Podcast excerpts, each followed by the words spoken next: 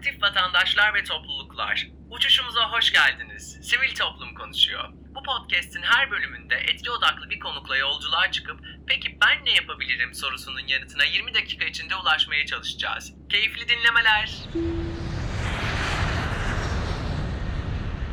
Herkese merhaba. Onarıcılık, kapsayıcılık ve hakkaniyet ilkeleri etrafında gerçekleşen etki odaklı podcast Sivil Toplum Konuşuyor'a hoş geldiniz. Bildiğiniz gibi Sivil Toplum Konuşuyor'da konuklarımla sivil toplumu işbirliği zemininde kapsayıcı bir yaklaşımla yeniden ele alıyoruz. Böylelikle masadaki tüm aktörlerin sözünü yükseltmesini, acı noktalarını ve destek ihtiyaçlarını yüksek sesle paylaşmasını sağlamayı ve aynı zamanda masaya yeni farklı aktörler kazandırmayı da hedefliyoruz. Bu kapsamda Sivil Toplum Konuşuyorum bu bölümünde Etki Yapın kurucusu ve etki yatırımcısı Şafak Müderriskil ile hayatı ve sivil topluma etki perspektifinden konuşacağız.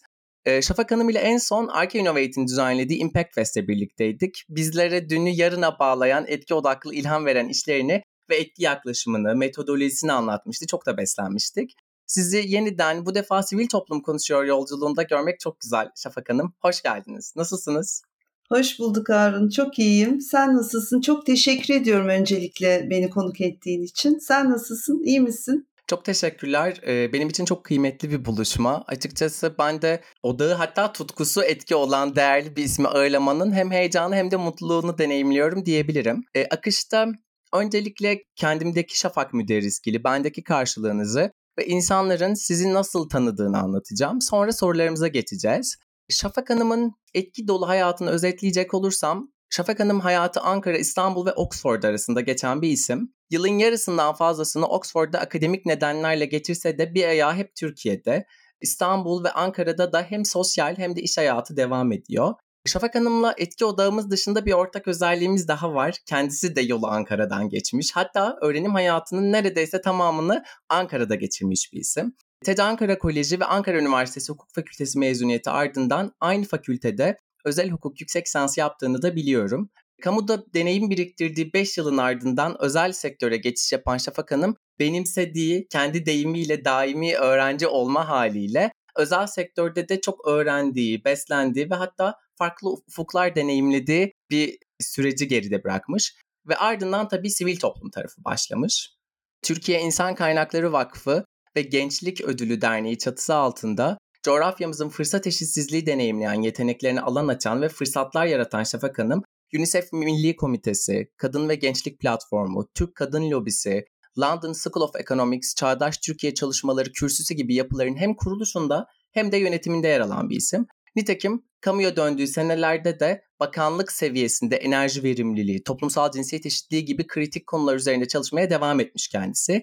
Ve nihayetinde gündemine gelmiş gelmekte olan kritik mesele yani etki yatırımları. Şafak Hanım akademide, kamuda, özel sektörde yani aslında hayatın farklı katmanlarında etki yatırımcılığı için kaynak, kapasite ve müthiş bir ekosistem geliştiriyor. Etki Yatırımı Derneği ve Etki Yatırımı Danışma Kurulu sayesinde kamu ve özel sektörüyle, sivil toplum kuruluşları ve akademik aktörleriyle etki yatırımını her seviyede savunacak, stratejilerine yerleştirecek, öncü olacak ve yol haritasını çizecek çözümleri ve işbirliklerini yeşertiyor bugünlerde diye sanıyorum özetleyebilirim Şafak Hanım sizi. Ben tabii arama motorlarında bulabileceğiniz bilgilerle görünen Şafak müderriskili anlatmış oldum size. Biraz da Şafak Hanım'dan olan, bilinmeyen Şafak müderriskili dinleyelim derim. Ne dersiniz? Olur. Çok teşekkür ederim. Samimi bir sohbet olacağı benziyor. Harun bilinmeyen şafak. Sanırım ben müzmin bir öğrenciyim. Harun sürekli öğrenciyim.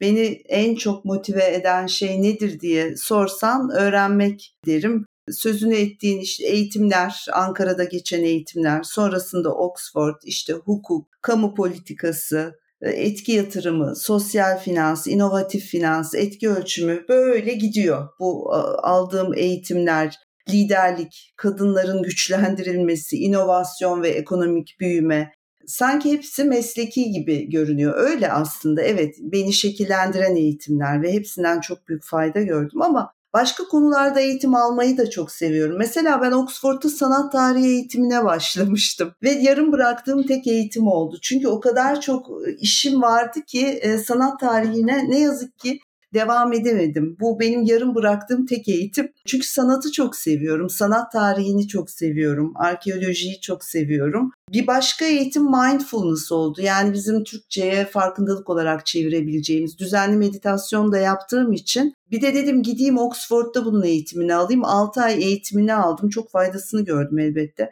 İspanyolca, İtalyanca, Fransızca eğitimleri devam etti. Bir de mesela Foresight eğitimi var. Futuristlerin dünyasına girebilmek için Foresight artık bir meslek haline dönüştü. Benim çok ilgimi çekiyordu. Bu konuda da bir online eğitimim oldu. Amerika'dan aldığım bir bir kurumdan aldığım bir eğitimdi. Ama bunların çoğu zaten online ortamda alınmış eğitimlerdi. Tabii ki sonu yok, öğrenmenin sonu yok. Ben de doymuyorum öğrenmelere. Listemde ne var diye soracak olursan birkaç şey sayabilirim. Mesela blockchain'de e, zayıfım. Blockchain'i öğrenmek istiyorum. Bu Decentralized Autonomous Organizations dediğimiz hani merkezi nasıl çevirebilirim? Merkeziyetçi olmayan anonim organizasyonlar, daha demokratize olmuş organizasyonlar. Dünyada da yeni başlamış. Daha Türkiye'de e, yeni yeni duyuluyor. Henüz bir hukuki e, karşılığı yok ama çok ilgimi çekiyor. NFT'ler. Bu konularda kendimi geliştirmeyi hedefliyorum bu önümüzdeki dönemde. Bir de öğrenmeyi istediğim bir şey daha var. Bağlama çalmayı öğrenmek istiyorum ve bunu kemanla birlikte yapmak istiyorum. Bakalım yapabilecek miyim? Sabah uyandığımda beni motive eden bir şey e, aslında eden şeylerden biri her gün kalktığımda evet bugün nasıl geçecek, bugünümü nasıl zenginleştireceğim bu anlamda öğrenmek ve öğrenirken notlar almak benim için çok önemli. Okumayı yazmayı da çok seviyorum. Kendime baktığımda en güçlü tarafım ne diye düşünsem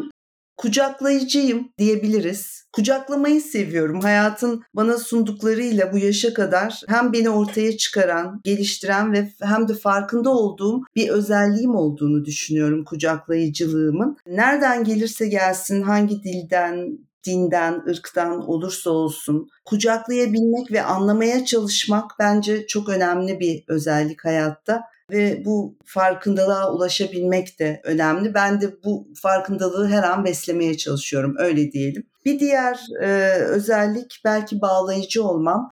Bağlayıcı olmak derken bir nevi çöp çatanlıktan söz ediyorum aslında burada. Günlük, haftalık, aylık trafiğimiz yoğun. Benim de trafiğim çok yoğun. İşim gereği çok fazla seyahat ediyorum. Çok insanla tanışıyorum işte arzla tanışıyorum, taleple tanışıyorum, kolaylaştırıcılar, kamu görevlileri, akademisyenler, sivil toplumcular derken her yaştan, her demografiden insan artık bende bir logaritma oluşmuş durumda. Kimi nasıl birbirine bağlarım, birlikte nasıl daha verimli çalışmalarını sağlarım, nasıl daha verimli çalışırız, işbirliği yaparız. Bunları hep geçiriyorum aklımdan ve bu düşüncelerle hareket ediyorum. Kısacası sosyal sermayemi paylaşmayı çok seviyorum. Öyle söyleyelim. Bir de şeye bakmak lazım. Yani zayıf tarafım ne acaba diye. Sen şimdi sorduğun zaman onu düşündüm. Kuvvetli taraflarım ne, zayıf taraflarım ne acaba? Çok fazla uyaran, işte çok fazla projeler, talepler geliyor. Bazen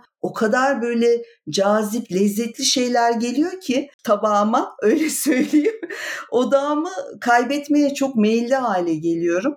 Ama tabii ki bu kadar çok şey içinde her şeyi de yapamazsın. Odaklanman ve öncelik, önceliklendirmen gerekiyor gelen şeyleri. Ben de onu yapmaya çalışıyorum. Yoksa insanın yaptıkları da yarım kalıyor. Bu konuda kendimi hala eğitmeye çalışıyorum. Öyle söyleyeyim. Kolay değil çünkü. Hayır demek kolay değil ama işte odaklanma ve önceliklendirme konusunda hala kendimi eğitiyorum. Özel hayatıma da bakarsak ne söyleyebilirim sana? Mesela sporsuz yapamam sanatsız olamam. Seyahate bayılırım. Yeni kültürleri tanımaya bayılırım. Arkeolojiyi çok severim. Fotoğraf çekerim. Müzik dinlerim. Kitap, sinema. Bunları sayabilirim. İlk anda aklıma gelen bunlar.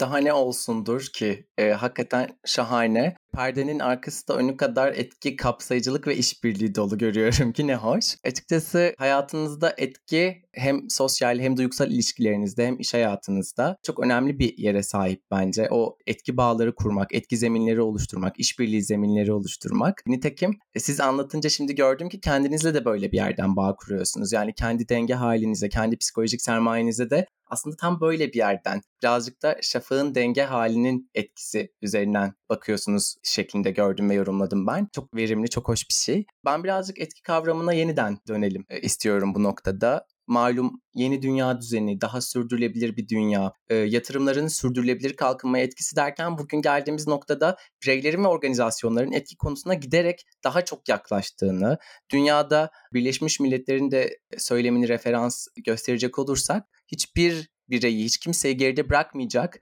yaklaşımlara, iş modellerine itibar edildiğini görüyoruz. Dolayısıyla 21. yüzyılda değişim ve dönüşüm çok hızlı gerçekleşiyor. Bu noktada bu değişimin tetikleyicilerinden olan sivil toplumun da tanımını gözden geçirmek ve doğru anladığımızdan emin olmak çok önemli. Çünkü Türkiye'de sivil toplumun üzerine çalıştığı meseleler sivil topluma aitmiş ve farklı aktörler çözümde rol alamazmış gibi kabule geçildiğini fark ettiğim gözlemlerim var. Halbuki sivil toplum ekosistemi çok zengin, masa çok kalabalık. Bugün sıklıkla çözüm için işaret edilen dernekler ve vakıflar toplumsal meselelerde çözümün ana ve değerli paydaşlarından muhakkak ama masada desteğine hatta liderliğine ihtiyaç duyulan farklı aktörler de var.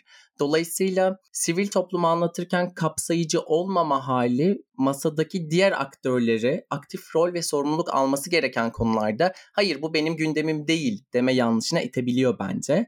Bu noktada merak ediyorum. Sizce sivil toplum nedir? Sizden kendi sivil toplum tanımınızı duyabilir miyiz?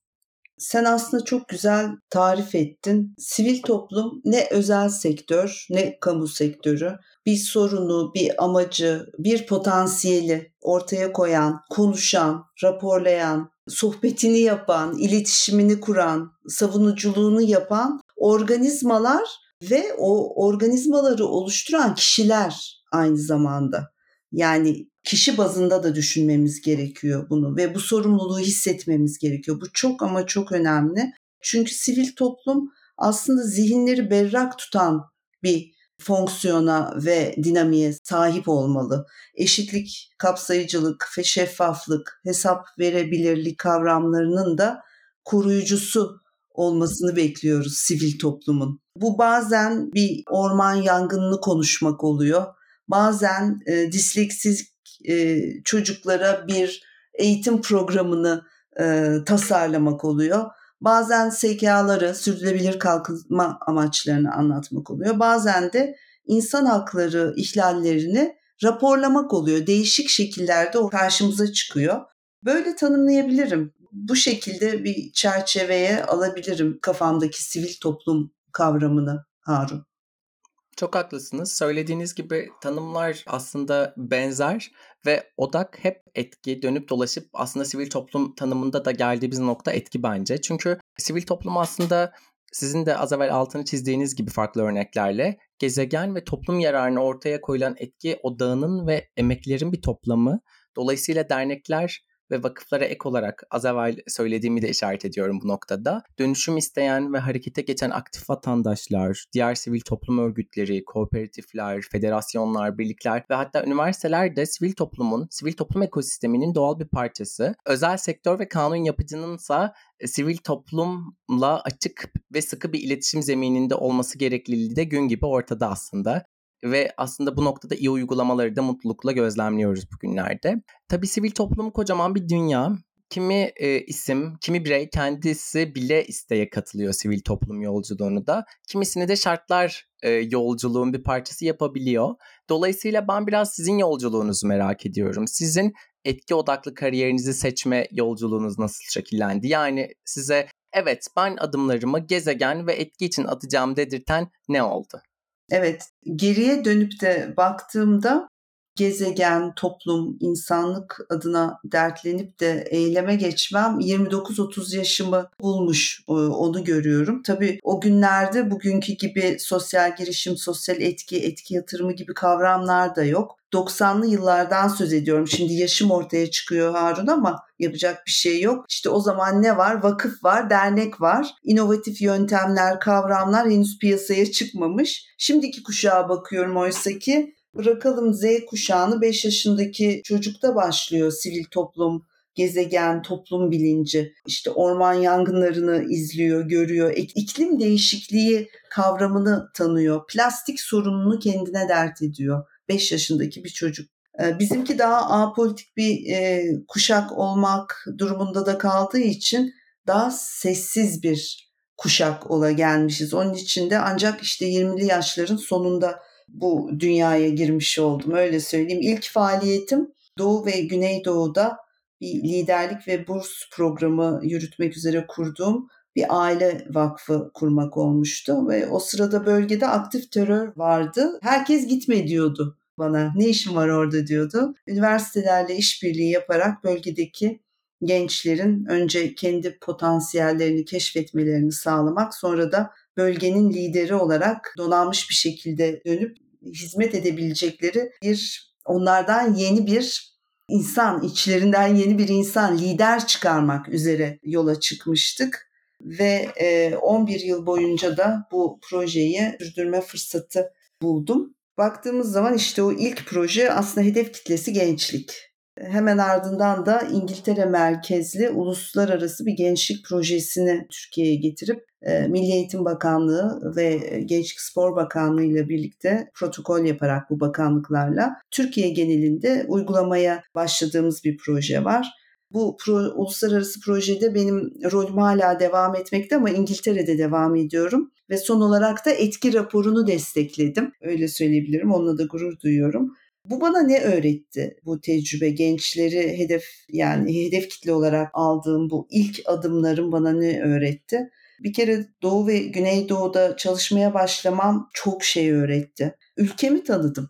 Başka hayatları tanıdım. Başka umutları başka umutsuzlukları tanıdım. Bu çok ama çok önemli. Bizden daha genç olan kuşakların her zaman bize bir şey öğretme potansiyeli var ve bunu azımsamamak gerekiyor. Kapitalize etmek gerekiyor. Bundan faydalanmak gerekiyor. Gençlerin sesini gerçekten duymak gerekiyor. Her dönem için söylüyorum bunu. Bir diğer dönüm noktası da cinsiyet eşitliği ve kadının güçlendirilmesi konusunda yaptığım girişimler ve faaliyetler oldu. Kadının cam tavanı kırma hikayesinde Türkiye özelinde ve uluslararası bağlantılar kurarak e, yer alma fırsatını elde etmiş olmam benim hayatımı çok zenginleştirdi gerçekten. Kariyerimi çok zenginleştirdi. Dünya Bankası, Birleşmiş Milletler ve Dünya Ekonomik Forumu ile birlikte yaptığım değişik projeler var. İlgili bakanlıkları, özel sektör liderlerini de dahil ettiğimiz kolektif çalışmalar, imzalanan uluslararası sözleşmeler var. Beraberinde e, kadın haklarını savunan derneklerde kurucu üye olarak devam eden öğrenme ve geri verme süreci var. Bu tabii ki benim için çok değerli ve yumuşak karnım diyebileceğim bir alan. Her kadın gibi. Son olarak da Türkiye'de henüz tartışılmadığını tespit edip işte ortaya çıkardığımız ve şu anda savunuculuğunu yaptığımız etki yatırımı, sosyal etki, etki ölçümü gibi kavramlar. Bu da Covid ile birlikte aslında gündeme geldi. Covid döneminde bir gün Burada İngiltere'de yaşarken karantinanın ilan edildiği gün arama motoruna etki yatırımı Türkiye kelimelerini yazarak Türkiye'de aslında bu konuda pek de bir şey yapılmadığını görüp karar vermemle başladı her şey. Bakınca aslında neredeyse 10 yılda bir yeni bir kavramı alıp çalışıp eyleme geçirdiğimizi görüyorum. Tabii ki bunu hiçbirini tek başına yapmadım. Nasıl desem liderlik etme vesilesi doğmuştur. Ancak tabii hepsi takım işi. Bu yapılan çalışmaların hepsinin arkasında da çok değerli, kuvvetli takım arkadaşlarım var. Tek başıma değilim hiçbirinde.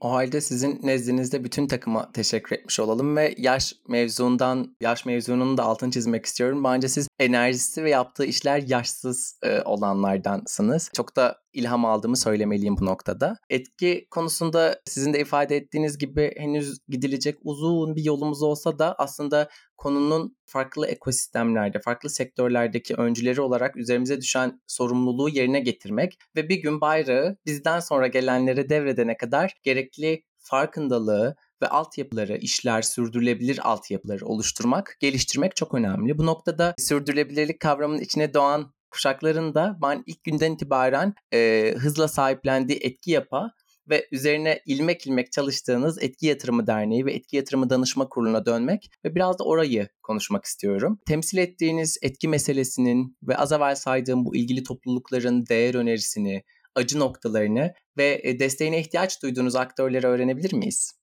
Elbette. Etki Yap, Etki Yatırımı Platformu'nun akronimi aslında ve Etki Yatırımı Derneği altında kurulmuş bir icra kurulu. Türkiye'nin de ilk etki yatırımı platformu. Öncelikle etki yatırımını, etki yatırımı modelini savunuyor. Etki, e, ekosisteminde güçlü bir oyuncusu haline geldi diyebilirim. Etki yatırımı kavramı altında özellikle sosyal etki, etki ölçümü ve raporlaması ve sürdürülebilirlik kavramlarına odaklanıyor etki yap hem bilgilendirmeyi, farkındalık yaratmayı, hem pazar ve iş gücü yaratmayı hem de ulusal ve uluslararası işbirliği yapma fonksiyonu var.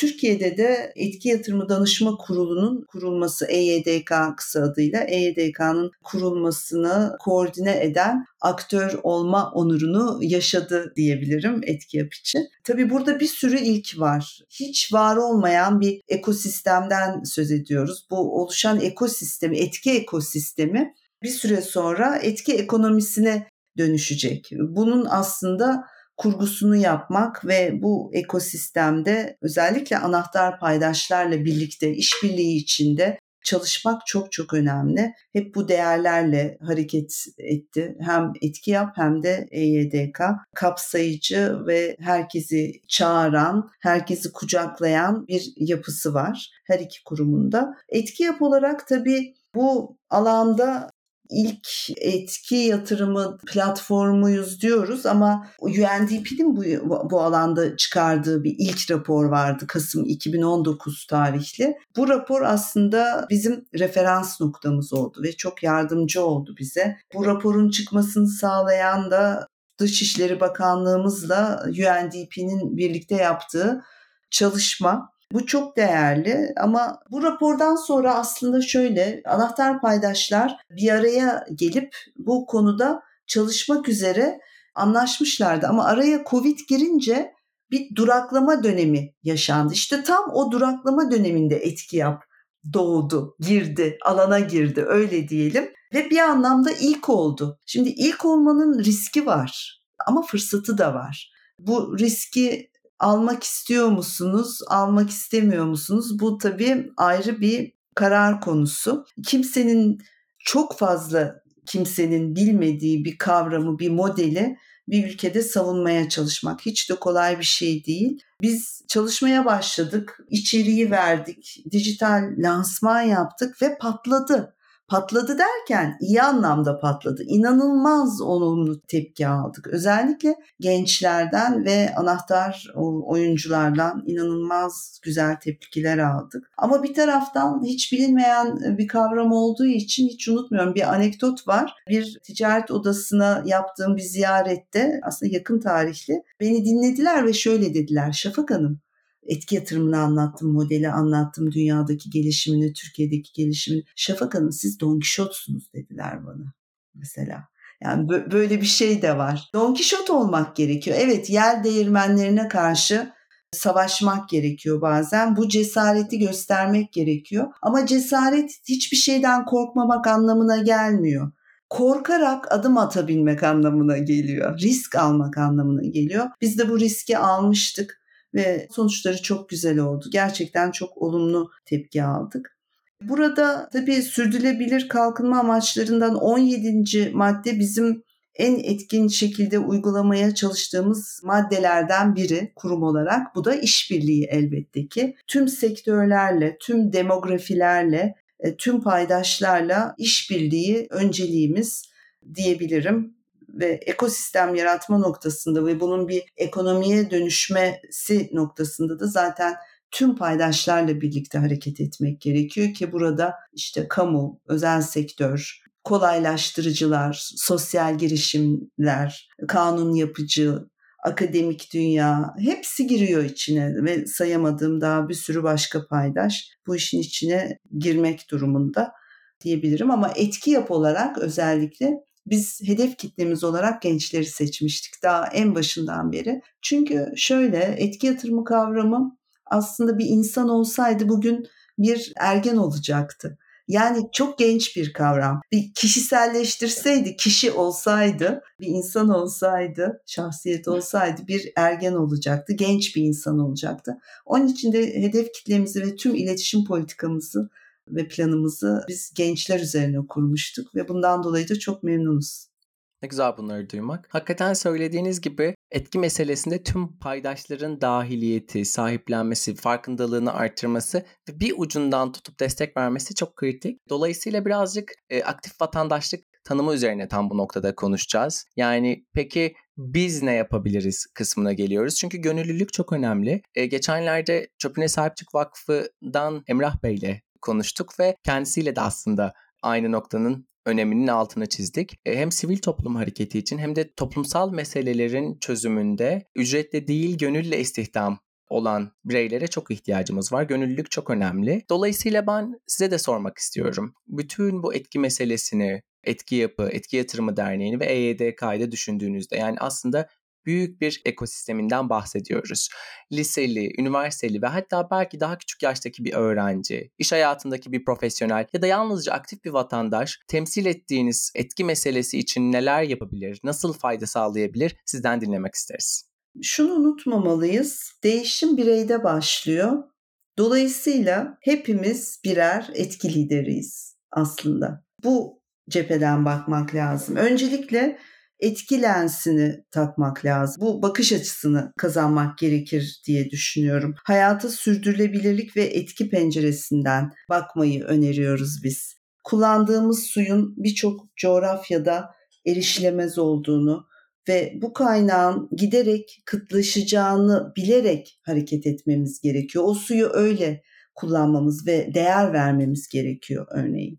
Ya da yediğimiz ekmeği üreten fırında çocuk işçi çalıştırılıp çalıştırılmadığını ya da sosyal güvenlik kurallarına uyulup uyulmadığını bizim dert etmemiz gerekiyor. Giydiğimiz sırkanın üretildiği üretim bandında çalışan kadının yaptığı işe eşit ücret alıp almadığını düşünmek gerekiyor ve bunu bunun takip takipçisi olmak gerekiyor adeta. Enerji tasarrufunu uygulamamız gerekiyor. Bunu hatırlamamız gerekiyor. Atıkları geri dönüştürmeyi, fosile hayır demek için güneş paneli kullanmayı örneğin daha çok toplu taşım araçlarına e, binmeyi ya da bisiklete binmeyi şöyle bir aklımızdan geçirmeyi nasıl katkıda bulunabilirim diye bunu aklımızdan geçirmeyi bir disiplin olarak hayatımıza sokmamız gerekiyor. Yine plastik için de öyle. Plastiği soluyoruz adeta. Araştırmalar onu gösteriyor. Plastiği solur hale geldik. Dolayısıyla plastik kullanımını minimize etmek de kendi hayatımızda bizi bir etki lideri haline getiriyor. Bunu uygulamaya koymak, bunun farkında olmak öncelikle uygulamaya koymak ve etrafımızda da bu düşünceleri paylaşmak, başkalarının da bunun farkında olmasını sağlamak, adeta bunun savunucusu olmak çok önemli. Diyebilirsin ki ne faydam olabilir ki bir birey olarak? Hiç olmaz olur mu? Bir örnek ver, vermek isterim hemen. Covid döneminde bir araştırma yapılmış ve 2020 Haziran verileriyle yani Covid başladıktan 6 ay sonra yapılan bir araştırma gösteriyor ki bağışıklık sistemlerini güçlendiren takviye gıda sektöründe bir gelişme oluyor ve 210 milyon dolarlık bir pazar oluşuyor Türkiye'de. Nasıl oluşuyor bu pazar? Bireysel tüketici tercihleriyle. Demek ki yaptığımız her tercih bir etki yaratıyor. Bunu unutmamalıyız ve hepimiz bir etki lideriyiz aslında. Çok haklısınız. Katılmamak ne mümkün. Bu noktada seçme hakkının, seçmeme hakkının, tüketmek kadar tüketmeme hakkının çok önemli olduğunu düşünüyorum ben özellikle geldiğimiz nokta itibariyle. E, iklim krizi ve gezegen konusunda benzer endişeleri paylaştığımız bir dönemden geçiyoruz malum. Dolayısıyla gezegeni korumak için aslında bir noktada tüketmeme, seçmeme ve hatta tecrit etme hakkımızı kullanmamız gerektiğini düşünüyorum ben tüketim alışkanlıklarımızı şekillendirirken. Kalpten katılıyorum söylediklerinize. Şafak Hanım etki kavramı üzerine bugün sizinle konuşmak, açtığınız ufukta birlikte derinleşmek ne güzel. İyi geldiniz. Umudu çoğaltmak için bugün dünden daha fazla etki odaklı işlere, etki yatırımcılığına ve etki odaklı bireylere ihtiyacımız var etki odaklı bir birey olmak için de sizin gibi iflah olmaz bir öğrenci olmaya ve yaşam boyu eğitime talip olmamız gerekiyor bence. Geldiğiniz için kalpten teşekkür ediyorum. Sağ olun, var Ben çok teşekkür ederim. Biz etki odaklı yol arkadaşlarıyla meselelerimizi konuşmaya devam edeceğiz. Korku adalarından bilgelik kıtalarına geçmek için sivil toplum konuşuyor.